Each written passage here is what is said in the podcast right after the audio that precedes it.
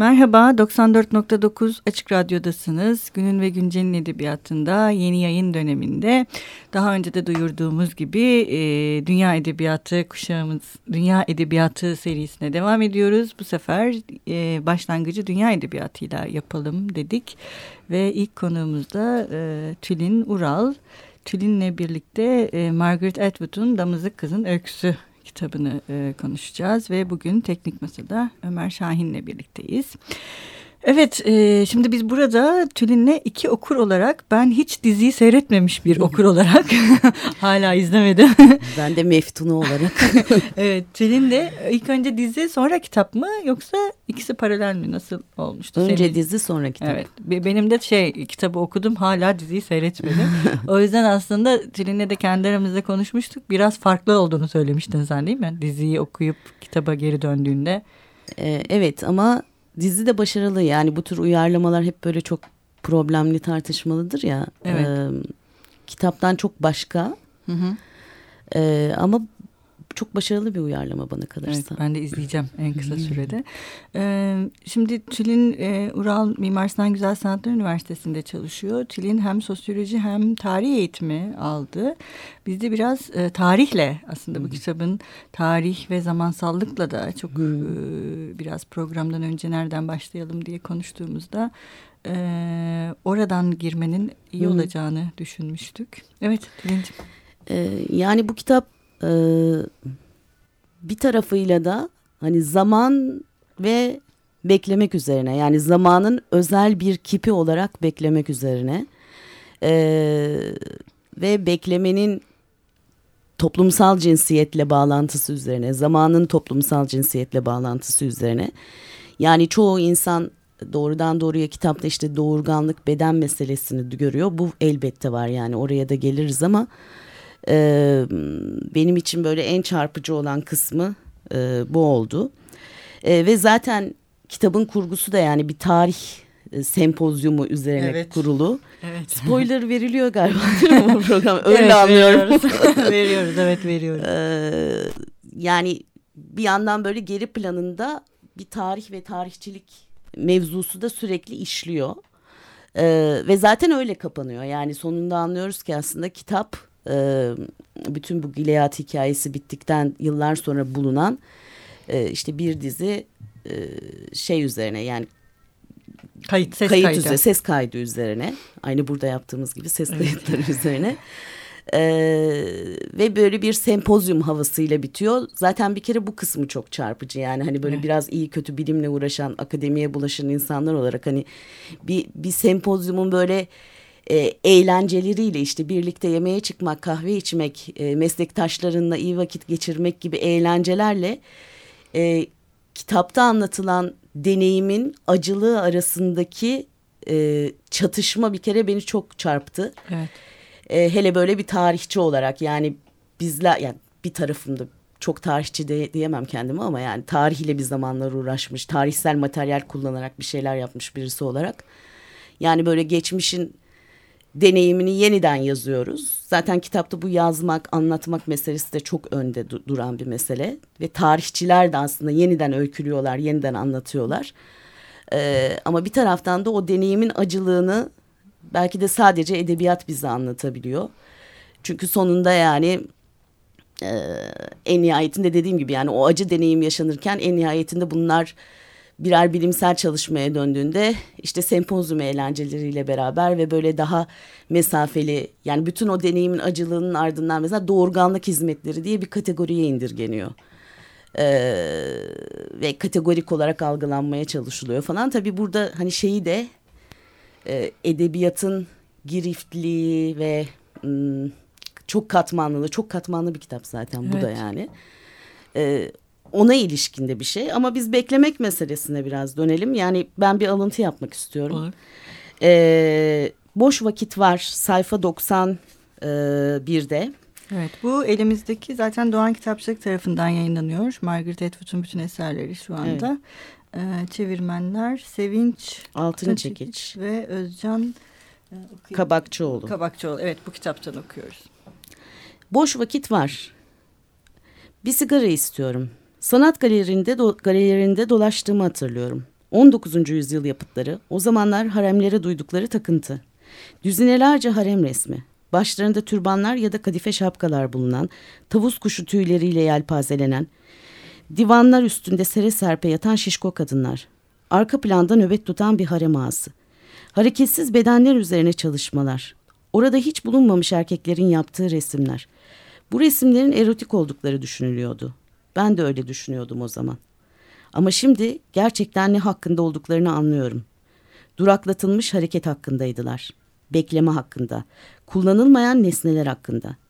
Can sıkıntısı hakkındaydılar. Ama belki de can sıkıntısı erotiktir. Kadınlar çektiği zaman erkekler uğruna. Ya benim de çok etkilendiğim bölümlerden biriydi. Yani dolayısıyla zamanın kadınlar açısından bir bekleme kipi olduğunu, bir durağanlık kipi olduğunu, hele ki Gilead gibi bir yerde e, herhalde daha çarpıcı bir biçimde de e, anlatılamazdı böyle bir şey. E, bir taraftan da tabii yani zaten zamanın toplumsal cinsiyetle boyutuyla bağlantısı üzerine bahs bahsedince yani kadınlar ve erkekler üzerine yani hani tarihçilikte de böyle derinde sürekli devam eden bir mevzu vardır. İşte süreklilik kesinti meselesi değişim mi? Ee, geçmişten bugüne kalan şey ne? Sorusu. Ee, ve kadınlar ve erkeklerde hani değişmeyen bir şey var mı? Gilead'da da öncesinde de. Ve neler değişiyor Gilead gibi bir rejim geldiğinde. Bir taraftan da hani bunu bu meseleyi geride e, işleyen bir kitap. Dolayısıyla hani kendini daha iyi tanımak isteyen kadınlar, kadınları daha iyi tanımak isteyen erkekler ve kendilerini daha iyi tanımak isteyen erkekler için bulunmaz bir kaynak. evet. Yani e, erkek şiddetinin kadın üzerinde bırakı, bırakabileceği iz üzerine. Evet. E, yani bu şiddetin ne kadar örtük biçimlerde alabileceği üzerine. Zaten o konferansta değişmeyen şeylerden biri de o. Yani örneğin işte konuşan tarihçinin yani yaptığı şakalar. Evet, çok da aynen, yani aynen. onlar mesela çok hani var olan durumdan hiçbir şeyin yani ders hmm. alınmadığı. Aynen tek, öyle. Yani, evet. Yani Gilead geçse de bir şeylerin geçmeden evet. kaldığı meselesi. Ha, değişmeyen şeylerin devamlılığı. Evet, aynen öyle ve e, ama değişen bir şey de var. E, hani böyle kökende kadın erkek ilişkisinin gerilimi, erkek şiddetinin örtük biçimleri, açık biçimleri zaten Gilead'da. Hı hı. Bu açık biçimlerin örtülme biçimleri. E, ama e, bir yandan da mesela geçmişe ilişkin şöyle bir şeyden bahsediyor. İşte Gilead birden gelmiyor aslında bir Alman'ın hikayesi diye bir kitap okudum yakınlarda. Tam da böyle işte 1930 e, yani 1914-1933 arası böyle bir burjuva Alman'ın hatıraları ve Hitler rejiminin nasıl adım adım geldiği. Zaten bir bölümde de bunu anlatıyor. Yani hiçbir şey birdenbire olmuyor bu şeyde de yani e, Damızlık Kızın öyküsünde de. E, yani aslında yavaş yavaş hissediliyor her şey. Evet yani yavaş yavaş geliyor her şey.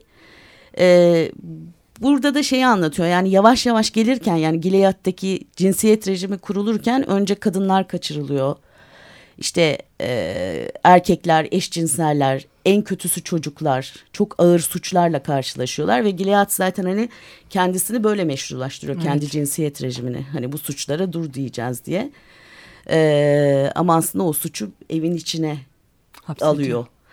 Ee, ve yani bunlar olurken, bunlar yavaş yavaş gelirken, Gilead yavaş yavaş gelirken bir taraftan da hani şu işte kadın erkek ilişkisinin gerilimiyle ilgili çok çarpıcı bir bölüm bence sayfa 281. Ee, ama bunların hepsi yani gece işte kendimizi e, korumak için önlemler alıyorduk vesaire. Ama bunların hepsi gece için geçerliydi ve sevdiğiniz erkekle hiç ilgisi yoktu. En azından gündüz. Bu erkekle yürüsün istiyordunuz, çözüme ulaşsın. Çözüm vücudunuzun biçimini korumak için yaptığınız bir şeydi aynı zamanda. O erkek için. Siz çözüm için yeterince çabalarsanız belki erkek de yapardı böyle. Belki birlikte bir sonuca ulaşabilirdiniz. Sanki ikiniz çözülebilir bir bulmacaymışsınız gibi. Yoksa ikinizden biri büyük olasılıkla da erkek kendi yörüngesinde çekip giderdi. Bağımlılık yapmış bedenini de yanında götürüp sizi berbat bir yoksunluk haliyle yüzüstü bırakarak. Yoksunluğun etkisini azaltmak için yapabileceğiniz tek şey er, egzersizdi. başarılı bir sonuca ulaştırmadıysanız bunun nedeni birinizin tavrının yanlış olmasıydı. Yaşamınızda olup biten her şeyin zihninizde yayılan olumlu ya da olumsuz bir güçten kaynaklandığı düşünülürdü. Yani ne kadar tanıdık değil mi? Ya çok çok, ya çok tipik bir ayrılma ve yani ayrılmanın hani bir kadında bıraktığı çok tipik bir iz yani. yani çabalama, bir çözüme ulaşma. Ee, dolayısıyla hani bu da değişiyor mesela artık. Çünkü aşk kalmıyor. Evet. Gülahat'ta aşk yok. Evet. Ee, bir taraftan beden değişiyor. Evet. Yani bu biraz şeyi de e, düşündürdü bana. Yani kadın yazısı diye bir şey var mı? Kadın yazarlığı var mı? Meselesi çok tartışılır ya. Yani hani evet. hani kadın yazarlığının bence çok e, halis örneklerinden biri. Muazzam bir böyle beden e, duyarlılığıyla dolu bir e, kitap bu. E, ve hani bedenin bütün ayrıntıları ve bedende değişen e, şey üzerine. Gene okuyabilir miyim? Tabii tabii. Tabii lütfen. Ee, geçmişten bu yana kadının bedeni nasıl değişti? Ama değişmeyen şey kadının bedenine ilişkin farkındalığı ve duyarlılığı ve böyle e, algısı. Aynen algısı. Hı hı. Bedenimi bir haz alma ya da kendimi sayfa 97'den okuyorum.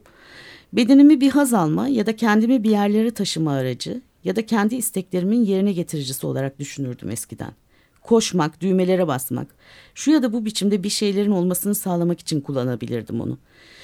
Sınırlamalar vardı ama bedenim yine de kıvrak, kendi başına bütün benimle birdi. Şimdi bünye kendini farklı bir biçimde düzenliyor. Bir bulutum, merkezi bir nesne etrafında donup kalmış, bir armut biçiminde. Benim olduğumdan daha sert ve daha gerçek ve yarı saydam ambalajı içinde kırmızı parıldayan. İçinde bir boşluk var. Gece vakti gökyüzü kadar büyük bir boşluk ve karanlık. Ve bunun gibi bükül, bükülmüş, siyah, gerçi siyahtan çok kırmızı. İçinde yıldızlar kadar sayısız ışık noktacıkları şişiyor, parıldıyor, patlayıp büzülüyor. Her ay bir dolunay var. Kocaman, yuvarlak, ağır bir kehanet. Geçiyor, duraklıyor, devam ediyor ve gözden yitip gidiyor. Ve umutsuzluğun açlık gibi bana doğru geldiğini görüyorum.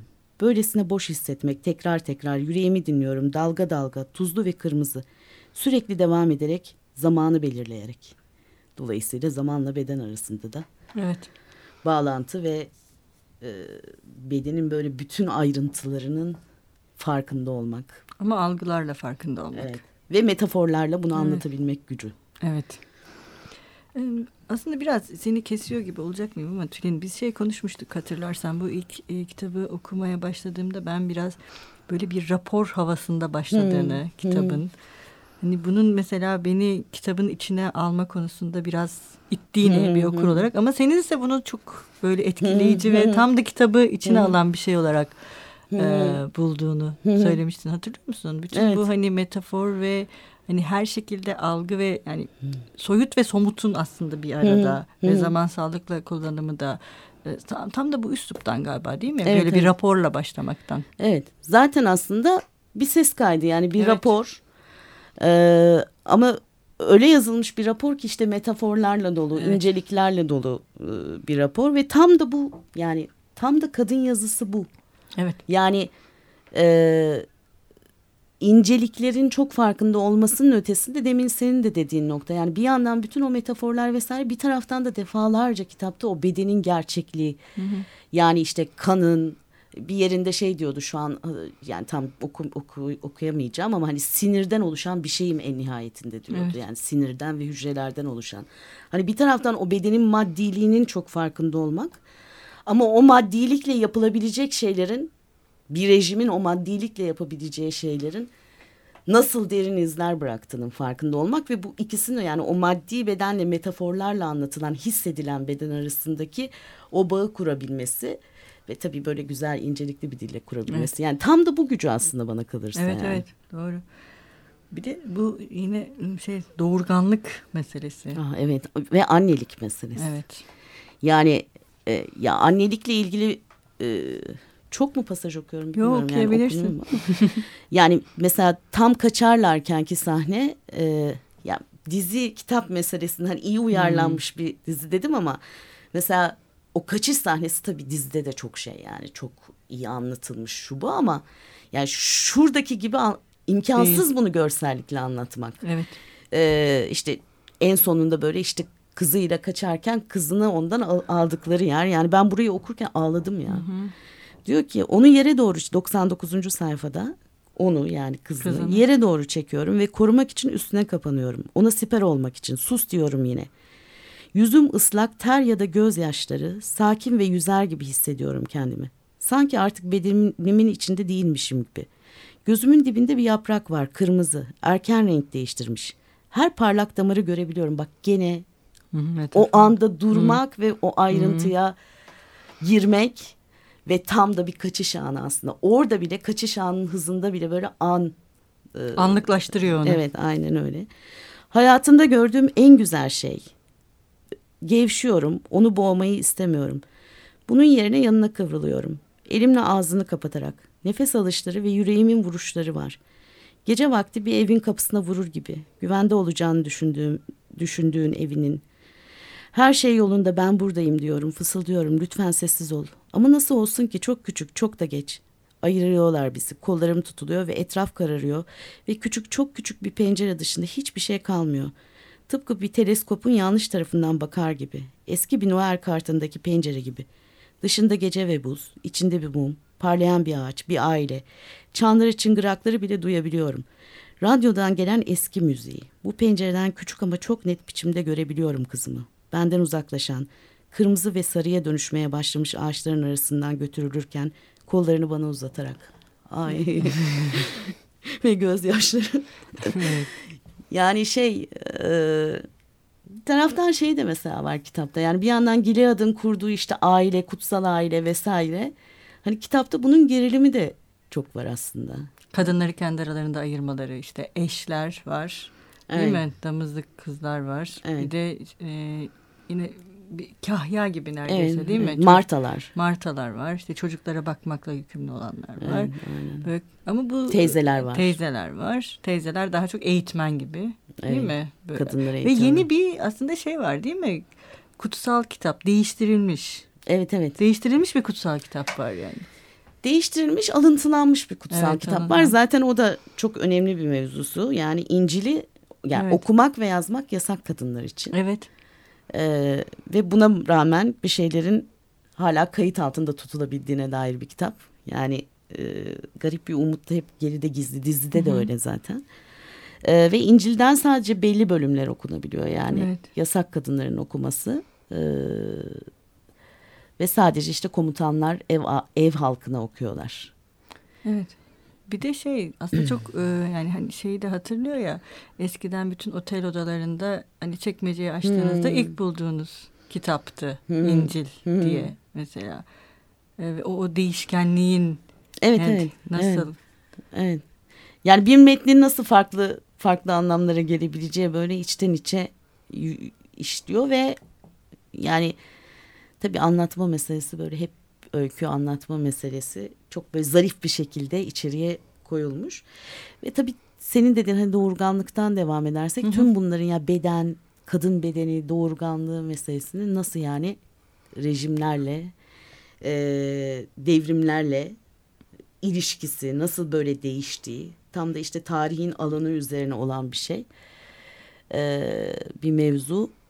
E, ve aslında şey hani ben bunu böyle kitabın çok ilgi görmesinin sebebi de o. Alın yani siyasi olarak da şu anda da alıntılanan bir kitap. Mesela işte Trump'ın böyle kürtajla ilgili bir yasasının protestosunda e, kadınlar damızlık kız kıyafetleri giyerek yapmışlar bunu. Hani Hı -hı. bu çok çarpıcı bir şey aslında. Evet. Ve ben böyle şeyi düşündüm yani hani böyle bir kehanetmiş gibi okunuyor bu Hı -hı. giderek işte evet. sağın yükselmesi ve sağın fütursuzca kadın doğurganlığı ve kadın bedeni üzerine müdahalesiyle beraber e, zaten yani hem dizinin etkisiyle hem de Trump'tan sonra daha da, daha çok okunmuş. E, işte Türkiye'de de şu anda çok evet, popüler. popüler. Ve ben şeyi düşündüm yani hani dolayısıyla şöyle bir şey var hani benim demin bahsettiğim bu Sebastian Hafner'in bir Alman'ın hikayesi işte Nazi rejiminin yükselişi şimdi var. Bir de işte gelecekten bir ses olarak Damızlık Kız'ın öyküsü var. Yani hani e, böyle başka zamanlar ve gerçek tarihsel deneyimler var. İşte şu an Amerika'da olan, işte bizim doğurganlığımızla ilgili etrafta dolaşan üç çocuk doğur, beş çocuk doğur lafları.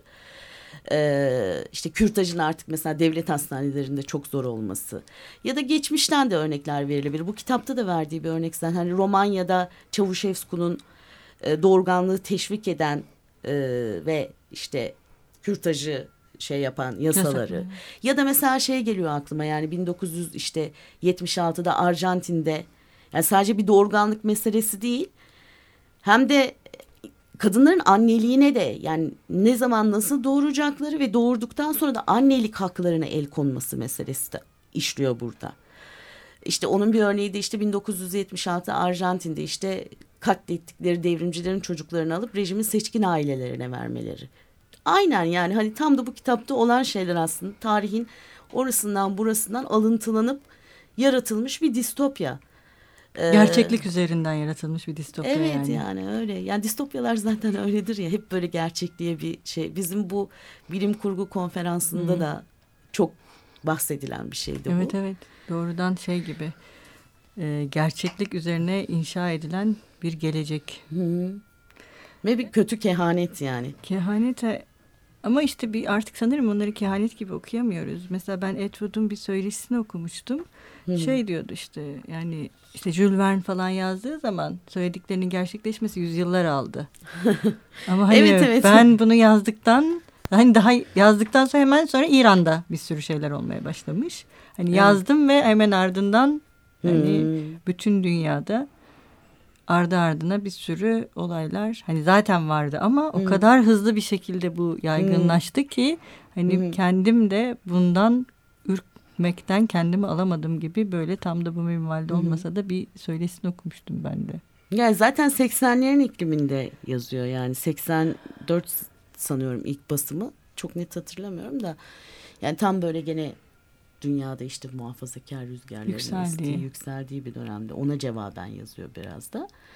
Ee, ama yani e, beklenenden daha hızlı bir yükseliş ve daha sürekli bir yükseliş. Yani gerçekten daha gerçek bir distopya evet. okuyor olmak. Evet. Şey ama bir yandan şunu da tabii teslim etmek gerekir. Kitapta bir umut da var. Yani kitap yani hani bir taraftan şöyle bir buna umut denebilir mi bilmiyorum ama kitabın önemli bir gene hani kadınlar, erkekler, erkek erkeklerin kendisini tanımasından falan söz ettim ya. Ee, bir taraftan mesela şeyin June'un e, komutanla gizli süre giden ilişkisi evet. ve komutanın sevgi ihtiyacı. Evet. Yani hani bundan dolayı komutanı affedecek değiliz tabii, tabii ama. e, ve tereddütü yani kendi kurduğu rejimle ilgili tereddütü. Mesela Jun'la bir sohbetinde diyor ki e, hadi diyor elleriyle omuzlarımı sıkarak sayfa 262'de senin fikrinle ilgileniyorum yeterince akıllısın bir fikrin olmalı. Biz nerede yanlış yaptık? diye soruyor bir yerde. Hmm. yanlış yaptığının farkında aslında. Ne hakkında? diyorum. Yaptığımız şey hakkında diyor. İşlerin nasıl gittiği hakkında. Kendimi kasıyorum zihnimi boşaltmaya çalışıyorum. Gökyüzünü düşünüyorum. Gece ay yokken Fikrim yok diyorum. İç çekiyor, ellerini gevşetiyor. Gene de omuzlarımda bırakıyor onları. Ne düşündüğümü biliyor zaten. Yumurta kırmadan omlet yapamazsın diyor. Daha iyisini yapabileceğimizi düşünmüştük. Evet, e, Tülin'cim e, ne diyelim son olarak? Son olarak şunu diyelim. e, yani en son belki hani umutla yani bütün bunların sonunda hala aslında bütün bu distopyanın sonunda içinde yaşadığımız gerçeklikte hala bir umut gizleniyor. Kitaptan gene bir alıntıyla bitirelim. Ee, inandığım şeylerin ben diyor belki de hiç gelmeyecek olan bu mesaj işte bu mesaja inanıyorum ben. İnandığım şeylerin hepsi doğru olamaz. Gene de biri doğru olmalı ama hepsine inanıyorum.'' Luke'un akıbetiyle ilgili her üç çeşitlemeye de aynı anda. Ee, bu da benim inandığım şeylerden biri aslında. Bu da doğru olmayabilir. Umut içinde. Bunu neden ölü bir insanın mezar taşına yazmışlar ki? Uman ölü müydü yoksa hala yaşayanlar mı? Luke da umut ediyor mu acaba? Yani bir yerde umut hala izlemeye, deva- e, işlemeye devam ediyor. Ve hani umutla ilgili mesaj da aslında hala iletiliyor. Çünkü işte e, odasında bulduğu bir gizli mesaj var bu Latince yazılmış. Hı hı. Hala bir kendisinden önceki kadın yazıyor. Hı hı. hala kayıt bırakıyor ve orada diyor ki Nolita te bastardes carborundorum diyorlar. Bunun ne demek olduğunu e, kitabı okuyanlar anlayacaklardır diyor ve sizlere veda ediyoruz. Hoşçakalın, görüşmek üzere. Hoşçakalın.